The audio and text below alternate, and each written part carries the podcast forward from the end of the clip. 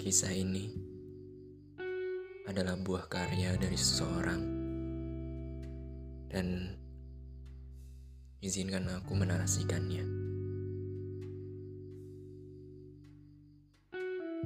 Cerita ini bukan suatu pembunuhan kekejaman,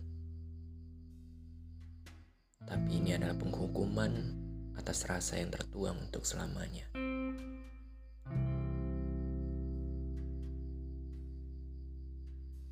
Dalam ragaku,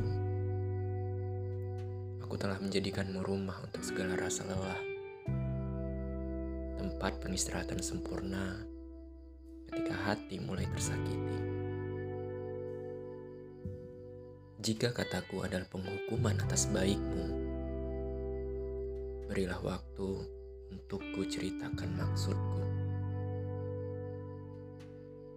Walau aku tahu jika datang adalah pintu untuk pergi. Bisakah itu hadir lebih lama lagi? Aku ingin terus bersamamu, mendekap dalam lamunan ragaku. Jika kau bosan atasku, adakah kata indah yang keluar darimu? Walau kau minta padaku untuk pergi. Tapi karena mau sadar bahwa jalan yang lurus itu menghantarkanku pada waktu yang sangat cepat. Namun, kukira kau akan menghantarkanku pada jiwaku. Tapi kini, kau menghantarkanku pada pernyataan dan pertanyaan siapakah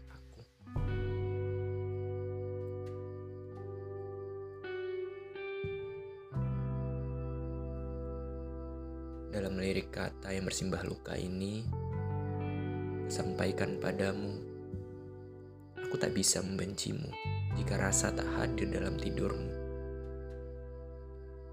Walau pada akhirnya, aku harus menyibukkan diri untuk melupakanmu. Namun ini tak bisa bertahan selamanya. Ketika aku dalam ruang sunyi, aku terus mengingatmu menceritakan segala keluh kesahku.